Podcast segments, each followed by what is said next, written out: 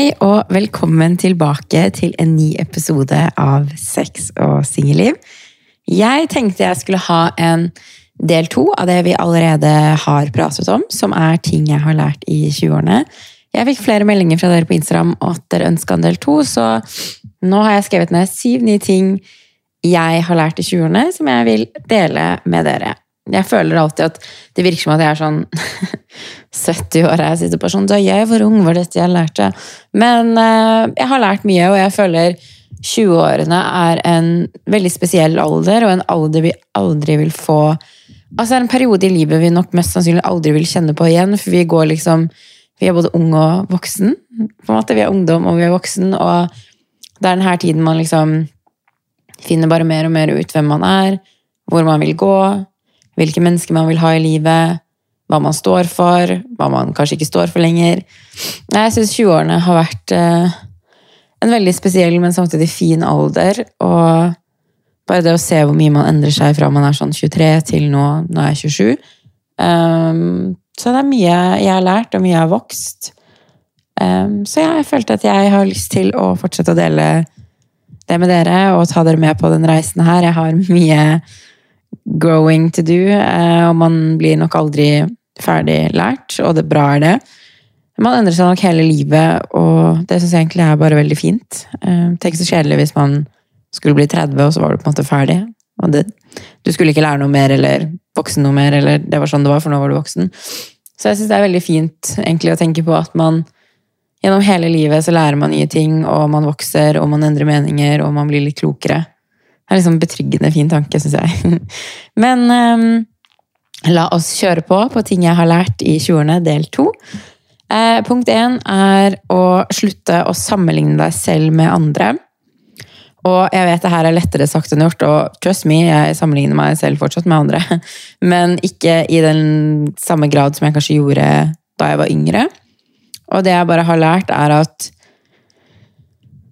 man ser ikke den andre menneskes kamp, hvis man kan si det sånn. Det er veldig lett å sammenligne seg selv på sosiale medier, f.eks. Og gjerne da Instagram, og jeg vet selv at jeg bruker Instagram til picture perfect. Selvfølgelig deler jeg litt oppturer og alt mulig sånn, men det dere ser på Instagram, er 10% av mitt liv. Um, og selvfølgelig, når jeg legger ut bilde i min Instagram-feed, så har jeg plukka ut det beste. Jeg har valgt det beste lyset, beste vinkelen uh, og alle de tingene der. Og jeg syns ikke det er noe gærent i det. Jeg synes at hvis man har lyst til å føle seg fin, så skal man absolutt vise det frem. Um, og det er det jeg føler Instagram er for meg. Jeg er liksom litt tullete, har litt humor. Trening, men samtidig så liker jeg å være glam og pynte meg og være pen. Men for eksempel, de tre bildene jeg kanskje legger ut, så kan jeg love deg at det er 500 bilder som er kanskje sletta, som jeg ikke var kanskje like flott på, da. Um, og sånn er det jo med Instagram og mange andre generelt i livet. Man har lyst til å vise frem sine beste sider. Og man viser gjerne frem når man har kommet til toppen. Eh, om det er jobb, eller om det er skole, eller om det er en utdannelse, eller om det er kjærlighetslivet ditt, eller hva enn det måtte være, så viser man alltid frem det beste.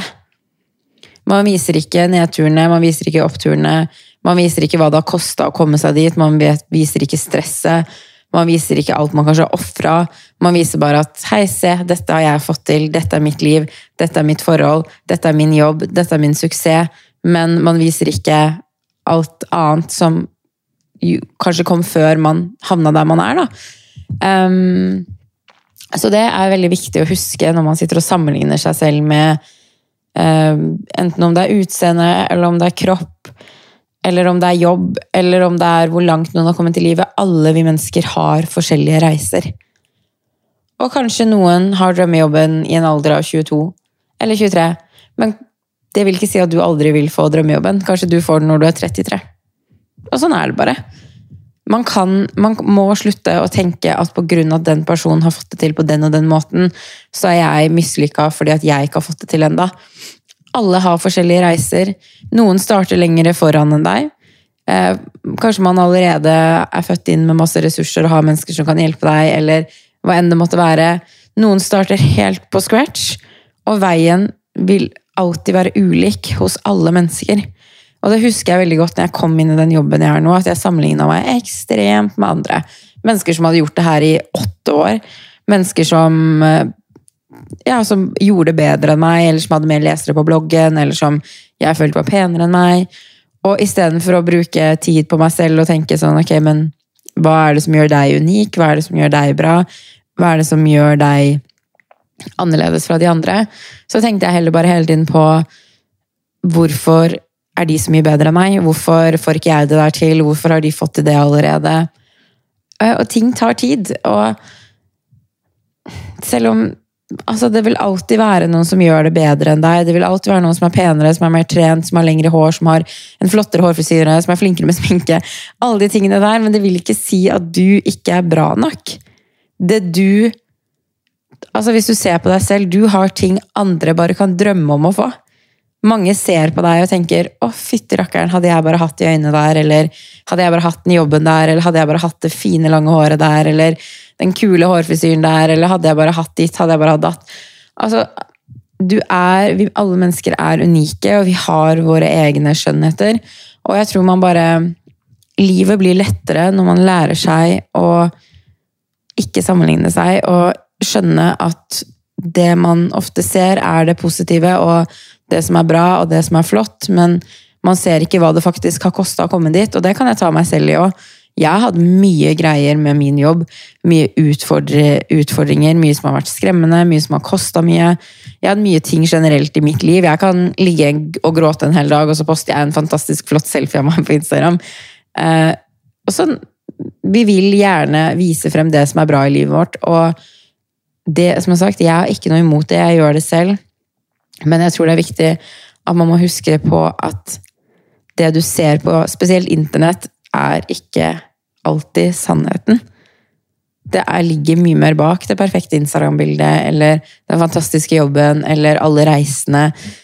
Det ligger mye mer bak enn hva man ikke vet, og det er derfor det er så viktig å bare stoppe opp, tenke at ok, det er livet til noen andre, det er ikke mitt liv. Hva kan jeg gjøre for at jeg skal få det bedre? Hva kan jeg gjøre for at jeg skal få drømmejobben? Hva kan jeg gjøre for å bli en bedre utgave av meg selv? Start hos deg selv, og slutt å tenke på hva alle andre gjør. Det har i hvert fall gjort livet mitt så sinnssykt mye lettere og mye mer behagelig. Um, og nummer to på listen uh, Det her er jo hva man selv velger å tro, men som dere vet, jeg er jo veldig sånn spirituell, manifesting, universet, alle de tingene der. Og jeg tror veldig på at man ikke møter noen ved en tilfeldighet. Jeg tror veldig på det at du møter mennesker for at de kommer inn i livet ditt av forskjellige grunner. Og hvis du ser på menneskene du har i livet, eller har hatt i livet, så har de forskjellige oppgaver i ditt liv, og du har en oppgave i deres liv. Jeg har noen venner jeg ringer når jeg er lei meg. Jeg har noen venner jeg kan snakke med alt om. Jeg har noen venner jeg reiser sammen med. Jeg har noen venner jeg ringer for å feste. Jeg har, noen, jeg hadde noen forhold som har gitt meg trygghet. Jeg har hatt noen forhold som har lært meg det å virkelig elske noen. Eh, jeg har hatt Jeg føler bare alle relasjoner Du møter mennesker av en grunn, og man lærer noe av alle relasjoner man går inn i. Både på godt og vondt. Og, og begynt, etter at jeg begynte å se det på den måten, og spørre meg selv hvis det er noen som sårer meg, eller hvis det er noen som forsvinner ut av livet mitt, eller ting kanskje ikke går som jeg har planlagt, så har jeg spurt meg selv ok, men hva lærte det her meg? Fordi det er lett å tenke mm, sånn som Når et forhold f.eks. For ikke fungerer, da, og man har brukt mye tid på det forholdet Og det var noe jeg følte veldig mye på. Ikke på grunn av nødvendigvis personen jeg hadde vært sammen med, men på grunn av at jeg hadde brukt hele min ungdomstid og halve 20-årene på å være i forhold. Eh, og at jeg på en måte ikke hadde hatt motet til å være singel og finne meg selv og tørre å være alene. At jeg bare hele tiden gikk inn i midlertidige forhold. Um, og da kunne jeg Jeg var mye sint på meg selv for at jeg følte at jeg hadde sløst bort mye av tiden min på å være i forhold jeg egentlig innerst inne visste at ikke kom til å fungere. Og jeg var veldig sint på meg selv for at jeg følte at jeg hadde sløst bort tiden min. Men jo mer jeg vokste, og jo mer jeg lot tiden få gå, har jeg fått et helt annet syn på det, fordi jeg kunne aldri vært foruten. Nå er jeg veldig veldig takknemlig for alle forhold jeg har vært i, og alle mennesker jeg har møtt, og kanskje vennskap som ikke har fungert, fordi at jeg ser nå at det har lært meg så mye. Um, og jeg ville aldri vært uten den lærdommen. Så jeg er veldig, veldig takknemlig for alt egentlig nå. At jeg føler at jeg har lært så mye av mine tidligere forhold, f.eks. For kjæresteforhold, at nå vet jeg mer hva jeg vil ha i mitt neste forhold. Jeg slipper kanskje å gå på enda et midlertidig forhold, fordi at neste gang jeg møter en person, da, så vet jeg at ok, det her er de tingene jeg ønsker, det her er viktig for meg, det her er verdier jeg trenger, det her er personlighetstrekk, eh, hva enn det måtte være. Og som for eksempel nå når jeg driver og Jeg skriver jo, dere vet jo, dere som har fulgt meg lenge, at jeg manifesterer. Der jeg liksom skriver ned forskjellige ting. Og eh, jeg manifesterte en god stund kjærligheten, bare ikke for at jeg ville ha den, men for at jeg selv Ehm, jeg skrev ned hva jeg ønska i et fremtidig forhold. Eh, fordi at jeg måtte bli litt mer klar på det selv. Eh, og da er det liksom en ting jeg har skrevet ned, er at det skal være problemfritt. Og misforstå meg rett, for ingen forhold vil være problemfritt, men jeg ser når jeg liksom har data som singel òg, og når jeg ser tilbake liksom på mine tidligere relasjoner, så har mye vært, det har vært mye problemer over sånn tullete ting. Eh, og ikke bare sånn vanlige kjærestekrangler, men det har vært mye problemer, og jeg tror at jeg i mange år har tiltrukket meg det jeg vil kalle toxic, toxic forhold. Fordi at jeg fort kan kjede meg hvis det blir for bra, nesten. Det høres helt fucka ut. Eh, men jeg har bare funnet ut at jeg har ikke lyst til å Jeg er ferdig med det. Jeg, det, jeg har lært av å ha hatt sånne relasjoner og kjenner meg veldig ferdig med det. Jeg har skrevet ned at han skal være flink til å vise og snakke om følelser, fordi det er veldig viktig for meg at jeg har en partner som er flink til å vise følelsene sine, tør å være sårbar, tør å vise at han bryr seg, tør å vise alle de tingene her, og er flink til å snakke om det. Fordi at jeg føler i mange av mine tidligere forhold så har jeg vært dårlig på kommunikasjon, og partnerne jeg har hatt, har vært dårlig på kommunikasjon, så da blir det en sånn evigvarende dårlig sirkel på at begge har, vært, har hatt vanskeligheter for å kommunisere hva man egentlig føler. Og jeg tror jo for å få et bra forhold, så må kommunikasjonen være på topp òg. Så nå som jeg selv har blitt flinkere til å sette ord på mine følelser og vise frem hvordan jeg vil ha det, så føler jeg jo at jeg mer trenger det i en partner. At det er viktig for meg. Og de her tingene hadde ikke jeg lært hadde ikke jeg vært i mine tidligere relasjoner. Og en annen ting jeg har skrevet, er at han skal være romantisk. For at jeg er jo ikke noe romantiker av meg selv, vil jeg si. Um, men jeg har bare skjønt nå at det er noe jeg vil ha. Det er noe jeg kommer til å ønske for at mitt forhold skal fungere. fordi at jeg ser jo liksom, Når jeg ser på mine tidligere forhold, så har det vært veldig lite romanse. Det har vært veldig lite av den hverdagsromantikken, det har vært veldig lite dating. Det har, veldig, det har bare vært liksom sånn Det gikk fra at man er nyforelska, den stormforelskelsen, til at man bare ble samboere og bare tok hverandre som en selvfølge. Og derfor kjenner jeg nå at jeg, det er viktig for meg. Eh, det er viktig for meg å bli overraska med en middag når jeg kommer hjem etter et eller annet. Det er viktig for meg med frokost på senga. Det er viktig for meg eh, Tenk bare å komme hjem til at noen har skrevet et kort til deg om hvor fantastisk flott du er med noen roser. Bli invitert på kino. Eh, få en melding sånn 'Hei, gjør deg klar.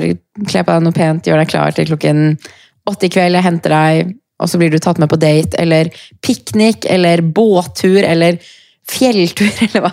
Altså, hvis dere skjønner bare den hverdagsromansen. Det trenger ikke å være de store tingene hele tiden.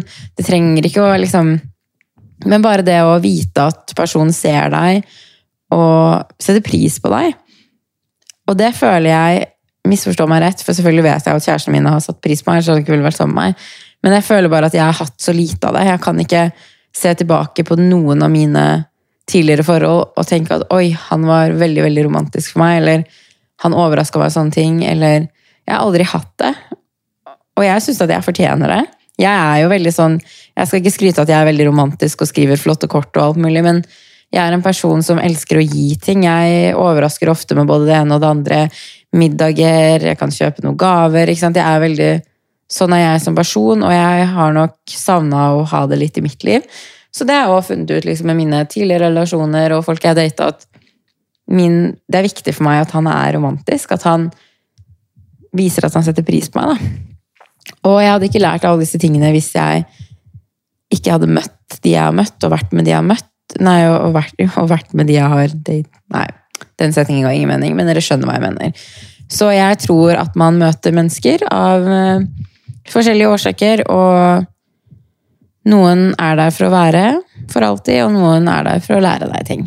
Uh, og den tankegangen har gjort det lettere for meg å gi slipp og godta at ting er som det er.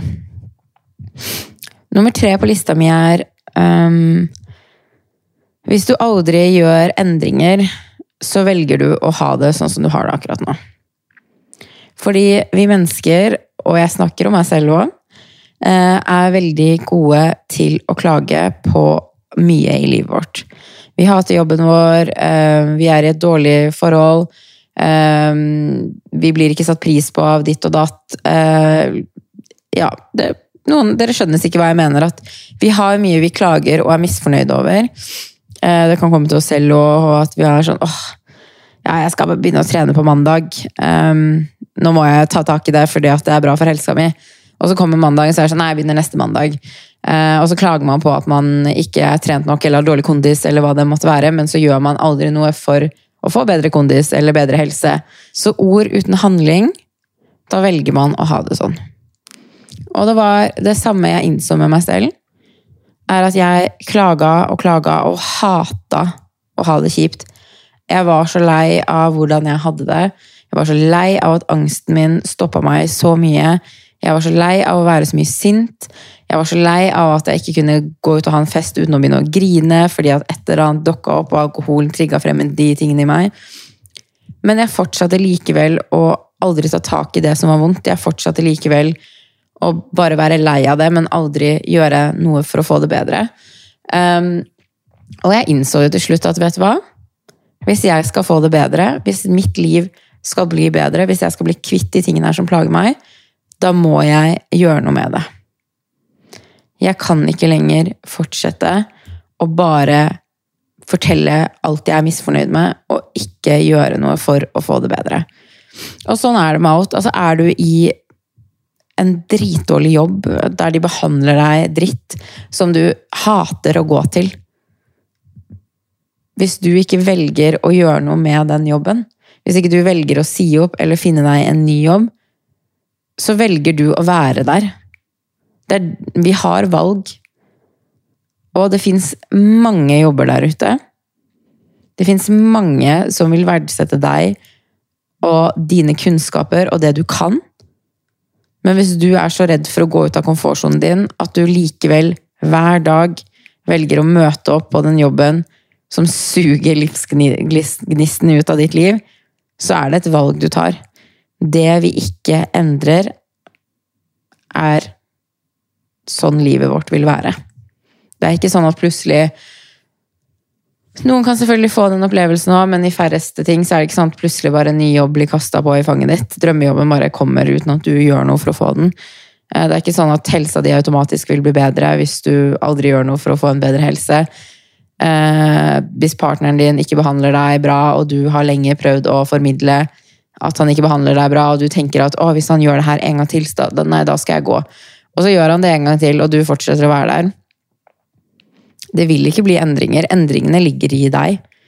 Det er du som må gjøre endringer for at ditt liv skal bli bedre. Og det tok meg mange år å lære. Det tok meg mange år å forstå hvor mye makt jeg faktisk hadde over mitt eget liv, og at hvis jeg var misfornøyd med noe, eller at noe gjorde livet mitt kjipere eller vanskeligere, så hadde jeg faktisk et valg om å få det bedre. Jeg hadde et valg om å gå ut av et forhold hvis jeg ikke var fornøyd der. Jeg har et valg om å bytte jobb hvis jeg ikke er fornøyd der. Alltid så har man valg. Kanskje man ikke alltid ser det selv, men endringene ligger hos deg. Og det er du som kan Det er du som er med på å forme ditt liv. Og bare det å innse hvor mye makt man faktisk har selv. For jeg vet at man mange ganger kan føle seg maktesløs, og at 'nei, jeg kan ikke gjøre noe', og at det er skummelt å ta sjanser.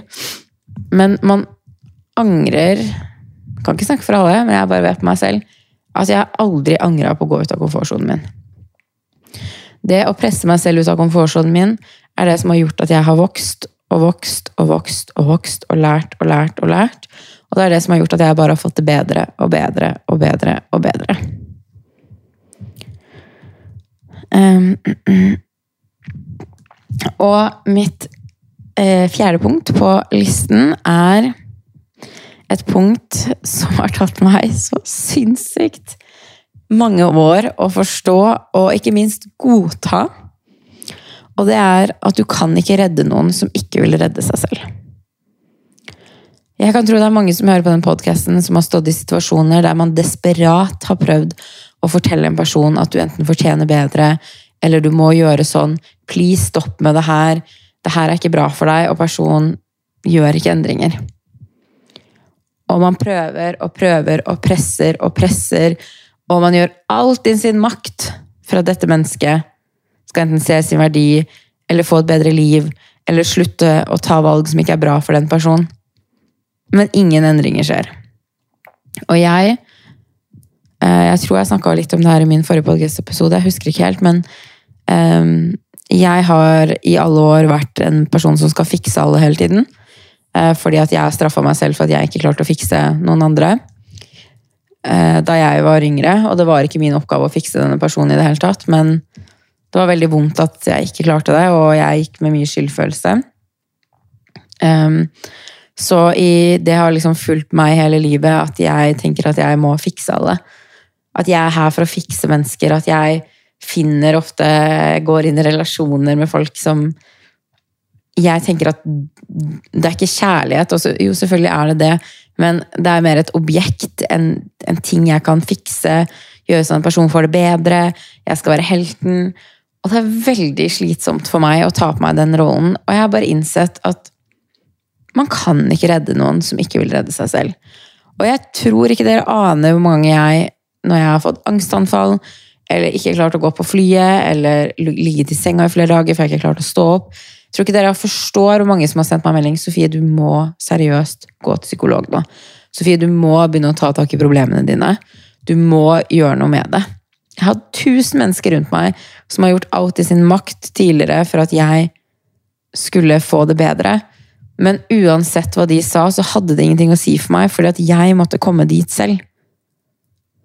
Jeg begynte ikke å ta tak i mine problemer før jeg ble stuck i Norge under korona og ikke lenger kunne rømme. Det var da først jeg faktisk innså at jeg måtte gjøre noe. Det var da først jeg fant motivasjon.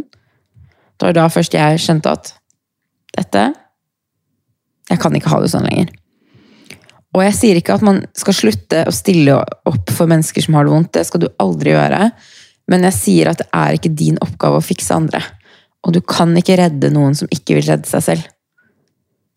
Det er umulig. Vil ikke personen gjøre endringer selv, så kommer ikke de endringene til å skje heller, fordi at det må komme Jobben ligger ikke hos deg, jobben ligger hos den personen som skal gjøre disse endringene. Du kan selvfølgelig gå ved siden av og holde handa langs veien, men du kan ikke dra personen bortover. Man må ville det selv, og det tok meg så sinnssykt mange år å forstå. Og jeg prøvde og prøvde og prøvde og prøvde, og så ble jeg bare enda mer skuffa av meg selv når jeg ikke fikk det til. Når jeg ikke klarte å si de rette ordene, når jeg ikke klarte å motivere på riktig måte, når jeg ikke klarte å dra personen her langs veien for at han skulle, henne, eller henne skulle få det bedre, så ble jeg så skuffa av meg selv, og jeg følte meg som verdens verste venn eller kjæreste eller familiemedlem eller hva det måtte være, for at jeg ikke fikk det til. Jeg fikk ikke til å redde den personen her. Og det tok meg seriøst så sinnssykt mange år å bare innse at jeg kan være en venn, jeg kan støtte, jeg kan gi klem, jeg kan holde hånda, jeg kan si hva jeg mener, men det, mer enn det går det ikke. Du, det går ikke, fordi personen må ville det selv. Og en ting jeg tror vi alle kan kjenne oss igjen i vi, Man har venner som er i dårlige forhold, um, og ikke blir behandla bra, og ikke ser sin verdi. Og man, har, man, kan prøve å fortelle og fortelle og fortelle. Du må gå. Du kan ikke godta mer nå. Og jeg fikk høre det her mye da jeg hadde kjæreste som var utro. bare sånn, nå må du sette ned foten din. Jeg var sånn, ja, ja, selvfølgelig. Neste gang så er det slutt. Men ble det slutt neste gang? Nei. Og det å være den vennen og stå på utsiden når du ser et menneske du bryr deg så sinnssykt mye om, som er så fantastisk, ikke blir behandla på den måten denne personen fortjener. Det er sårende, og det er helt jævlig, og man blir så frustrert. Men det er ikke ditt forhold, for det første. Og du kan ikke tvinge denne personen til å gjøre det slutt med kjæresten sin. Du kan si hva du mener, du kan si at du er der, du kan si at du støtter opp, men du kan uansett ikke få personen til å gjøre endringer. Og det er bare det jeg har skjønt, det er at det er sånn Mange forblir i dårligere, dårligere, dårligere forhold fordi at man tenker at det her er det man man fortjener, man er redd for endringer, man er glad i personen, man elsker den, man ser ikke for seg et liv uten, og man tenker at 'jeg vil ikke finne bedre'. Og jeg har vært der selv, og uansett hva folk har sagt til meg, så har det bare vært sånn ok, deres meninger Dere får, dere får gjerne ha de meningene, men det er deres meninger. Så livet mitt ble også bare mye bedre når jeg forsto at det er ikke min oppgave å redde andre. Og så lenge personen ikke vil det selv, så er det veldig lite jeg òg kan gjøre. Eh, nummer fem på lista mi er omring deg rundt mennesker som tror på deg, og som aldri gir deg grunn til å tvile på deg selv. Og det her tror jeg jeg har lært ekstremt mye spesielt i jobben min. Eh, men det her går òg i vennskapsrelasjoner og i forhold og i familie, ikke minst. En god venn eller en god kjæreste eller en god kollega, sjef, hva enn det måtte være, er ikke en god sjef eller venn eller kollega hvis den personen får deg til å tvile på deg selv og din egen verdi. Hvis du er omringa av mennesker som får deg til å stille spørsmål ved hvordan du er som person, om du er bra nok, om du er flink nok, om du står på nok, om du er omsorgsfull nok, så er ikke det mennesker du har lyst til å ha rundt deg. Ingen av oss er perfekte. Og jeg har mange sider med meg som jeg ikke er like stolt over. Som jeg hver dag prøver å bli litt bedre på. Så selvfølgelig kan man ha venner som sier at vet du hva, eller en kjæreste sier at du jeg liker ikke helt det du gjør der. Eh, og det er en annen ting. Men nå mener jeg om mennesker som hele tiden får deg til å føle deg dårlig. Fordi de menneskene du er rundt, er sånn du vil være òg. Hvis du ser rundt de vennene du Hvilke venner du f.eks. har rundt deg, de nærmeste vennene dine, så er litt av deg Eller litt av de er litt av deg òg. Jeg har fått masse trekk fra mine venner, og personlighetstrekk og ting jeg sier og ting jeg gjør, fordi at jeg har tilbringt så mye tid rundt disse menneskene at de har blitt en liten del av meg òg. Og derfor er det så viktig å omringe seg med mennesker som heier på deg. Man trenger ikke alltid være enig med hva du gjør, eller hva du sier, eller handlingene dine, men mennesker, mennesker som heier på deg, som støtter deg, som du vet står ved din side, uansett hva det måtte være. Man kan fortsatt være uenig, men man kan si at skjer det noe, så vil jeg være her. Fordi er du rundt mennesker som konstant gir deg dårlig selvtillit og selvfølelse, så er det sånn du vil bli etter hvert. Og jeg har funnet ut i min jobb, så er det veldig vanskelig å finne mennesker som heier og tror på deg. Fordi at man går dit pengene går, og pengene går dit til de som er mest aktuelle her og nå. Eh, til de som er mest på TV, til de som har kanskje akkurat gitt ut en bok, til de som er mest i avisene, til de som eh, er hypa her og der, til de som ikke sant, Alle de tingene der. Og, eh, og jeg sier ikke at alle er sånn, men jeg har hatt mine erfaringer i denne jobbbransjen, og jeg har vært steder som har gjort at jeg til slutt tenkte at jeg er ikke bra nok. Fordi det var de tilbakemeldingene jeg hele tiden fikk, og selvtilliten min var på bunn.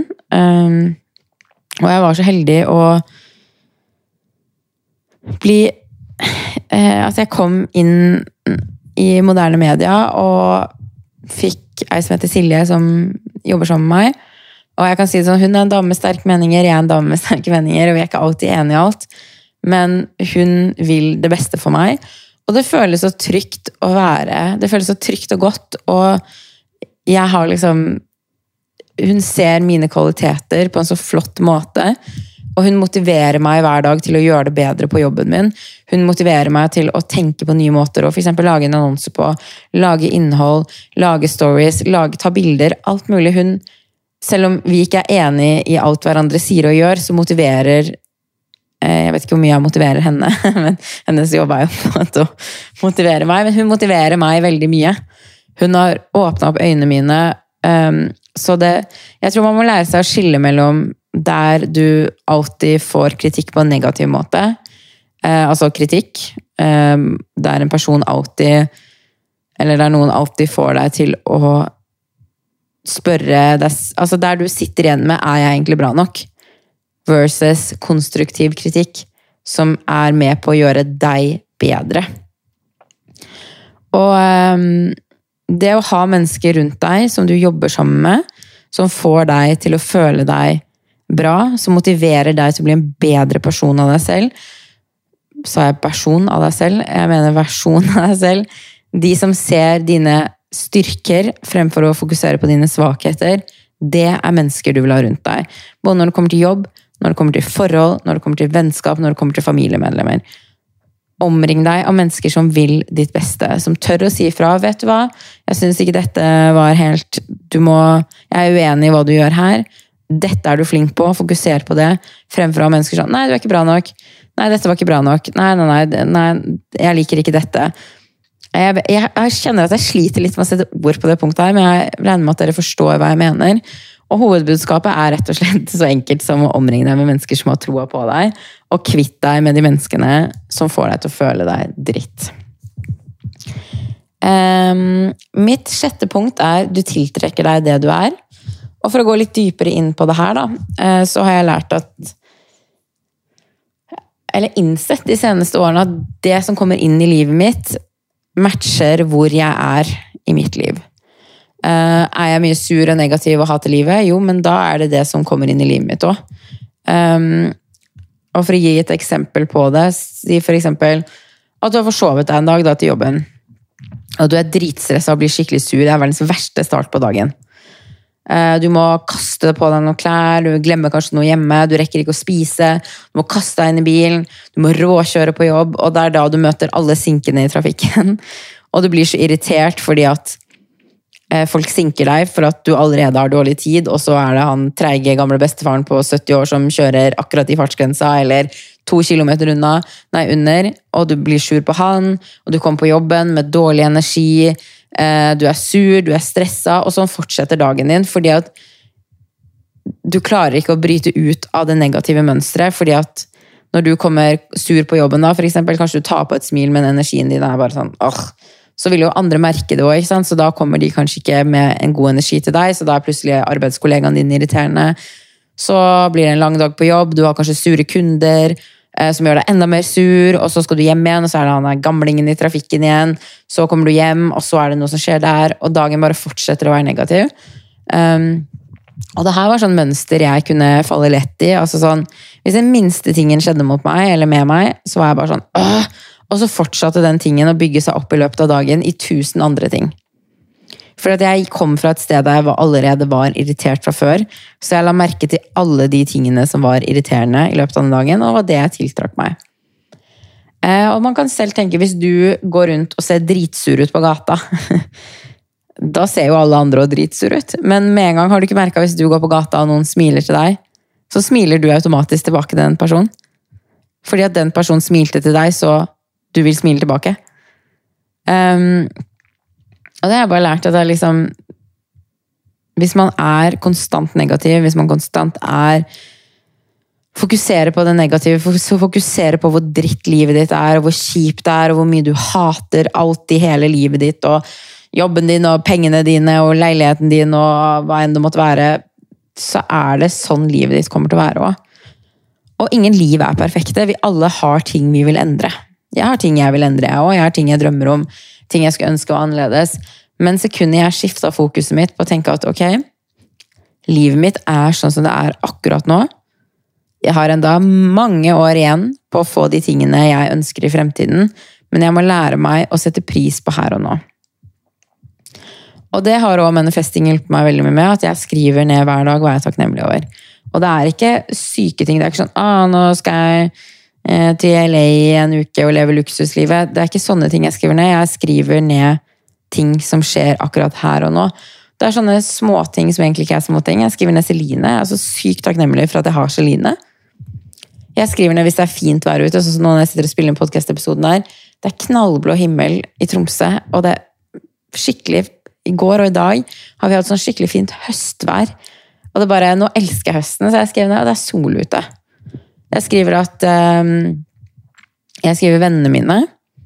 Jeg skriver bilen min, jeg skriver jobben min, jeg skriver de jeg jobber sammen med, som moderne media. Jeg skriver ned regnskapsføreren min, Geir. Eh, jeg skriver ned Maren og David, som er med på mitt nye prosjekt. Eh, mitt nye firma som vi starter opp. Jeg skriver ned ting jeg allerede har, ikke ting jeg skulle ønske var annerledes. Jeg har så mye å være takknemlig for, selv om jeg ikke er der jeg ønsker å være, så vil ikke det si at livet mitt er dårlig. Jeg har et sted å bo, jeg har mat i kjøleskapet, jeg har Celine, jeg har venner jeg kan ringe hvis det er noe, jeg har mamma, jeg har bestemor og bestefar, jeg har søstera mi, eller jeg har søsknene mine. Jeg har jobben min, jeg har bilen min ikke sant? Alle de tingene som vi allerede har. Hvis du begynner å fokusere på det du har å være takknemlig over, fremfor hva du er misforstått med, så vil du få en skift der der livet ditt vil bli bedre. Og det her var så sinnssykt viktig for meg. Og jeg merker jo jo mer positiv jeg har blitt, jo mer jeg setter pris på ting, jo mer sånne ting tiltrekker jeg inn i livet mitt. Så mye mennesker jeg har møtt for at jeg er der jeg er i nå. Så mye liksom fint jeg har fått inn i livet mitt, bare med å være takknemlig for her og nå. Så jeg har bare lært meg at er man sur, negativ og syns alt er kjipt, ok, men da er det det man tiltrekker seg. Så det er viktig å faktisk bli observant på hvor man setter fokus, på hva man velger å fokusere på, og hva man kan gjøre hvis man er så misfornøyd med noe. Hvor kan man gjøre endringer? Um, og min siste, min siste punkt Mitt siste punkt er, som er nummer syv på lista, er ingenting er et feilsteg, det er en lærdom. Og det her òg har gjort livet mitt så sinnssykt mye lettere. Fordi hvor mange av oss har ikke vært dritirritert på oss selv for at åh, hvorfor sendte vi den meldingen der? Hvorfor gjorde vi det selv om alle ba oss ikke gjøre det? Hvorfor dreit vi oss ut på den måten? Hva, at man, man, man, graver seg selv ned, for man blir så sint på seg selv når man gjør noe som man selv ser på et feil som noe feil. da. At man dreit seg ut, man gjorde noe dumt. Og jeg har vært der, ja. Jeg har, som jeg sa til dere tidligere her nå, at jeg brukte mange år på å være sint på meg selv for at jeg ikke følte at jeg klarte å redde noen. Eh, og at jeg gjorde så mye feil, og dette var min feil, og alle de tingene der. Nå er det her to helt forskjellige ting. Men jeg har begynt å se på alt jeg gjør feil i livet, er ikke feil, det er lærdom. Og uten feil så lærer man jo ingenting. Det er jo ved å gjøre feil at man lærer noe. Hvis du hadde gjort det riktig hele livet ditt, da, tenk så kjedelig. Tenk for et kunnskapsløst menneske du hadde vært hvis du hadde alltid gjort alt riktig. Hvor skulle du lært noe da? Hvis alle valgene du hele tiden tok, var perfekte. De hadde perfekte utfallet. Alt var så perfekt. Hvordan hadde du blitt som menneske hvis du aldri hadde hatt en nedtur? Hvis du aldri hadde gjort noe feil? Hvis du aldri måtte lære å ta konsekvenser av valgene du gjør? Så jeg har bare begynt å se på når jeg gjør noe som man i hermegåstegn tenker at det er feil gjort, så istedenfor å grave meg selv ned og tenke jeg er den største idioten i hele verden, jeg burde skjønt bedre enn som så, dumme meg, så har jeg bare blitt noe sånn, vet du hva? Ja, det var kanskje ikke det smarteste jeg kunne gjøre, men hva lærer jeg ut av det her? Hva kan det her lære meg som gjør at jeg tar bedre valg i fremtiden? Og det å tenke sånn at det har gjort livet mitt hundre ganger enklere. For nå graver jeg ikke meg selv lenger ned og tenker at jeg er den største idioten, og selvfølgelig gjør jeg det noen ganger, men jeg lar ikke det liksom påvirke hele dagen min og hele livet mitt, og at jeg blir så sint på meg selv. Jeg tenker heller ok, jeg dreper meg ut, dumme meg. Hva kan jeg lære av det her? Hva har det her lært meg? Hvordan kan jeg bruke det her senere i ting? Og hvis man heller begynner å se på det sånn, Istedenfor å bare bli dritsur og tenke at man er det verste mennesket i hele verden. Spør deg selv hva kan jeg lære av det her? Hva har denne feilavgjørelsen gjort, sånn at jeg kan lære noe? Hva, hvordan utvikler det her meg som menneske? Um, så ja, det her er min siste del på ting jeg har lært i 20-årene. Kanskje jeg har podkasten her når jeg blir 40, og da skal jeg komme enda flere ting. um, men hvem vet. Men ja, jeg syns det er veldig gøy å ha sånne podkast-episoder med dere. Og som sagt, har dere noen ønsker til ting jeg skal snakke om fremover, til temaer, til gjester, spørsmål dere har, dilemmaer dere vil jeg skal ta opp, send meg en DM på Instagram. Dere vil selvfølgelig være anonym. Jeg kommer ikke til å oute dere i podkasten min på noen som helst måte, men dere blir en del av den, og jeg syns det er veldig koselig å kunne inkludere dere. Dere er jo viktige for både meg og podkasten min. Så ja, send meg en DM hvis det er noe du har lyst til å dele, eller noen ønsker du har, endringer, hva enn det måtte være. Så snakkes vi neste tirsdag. Ha det!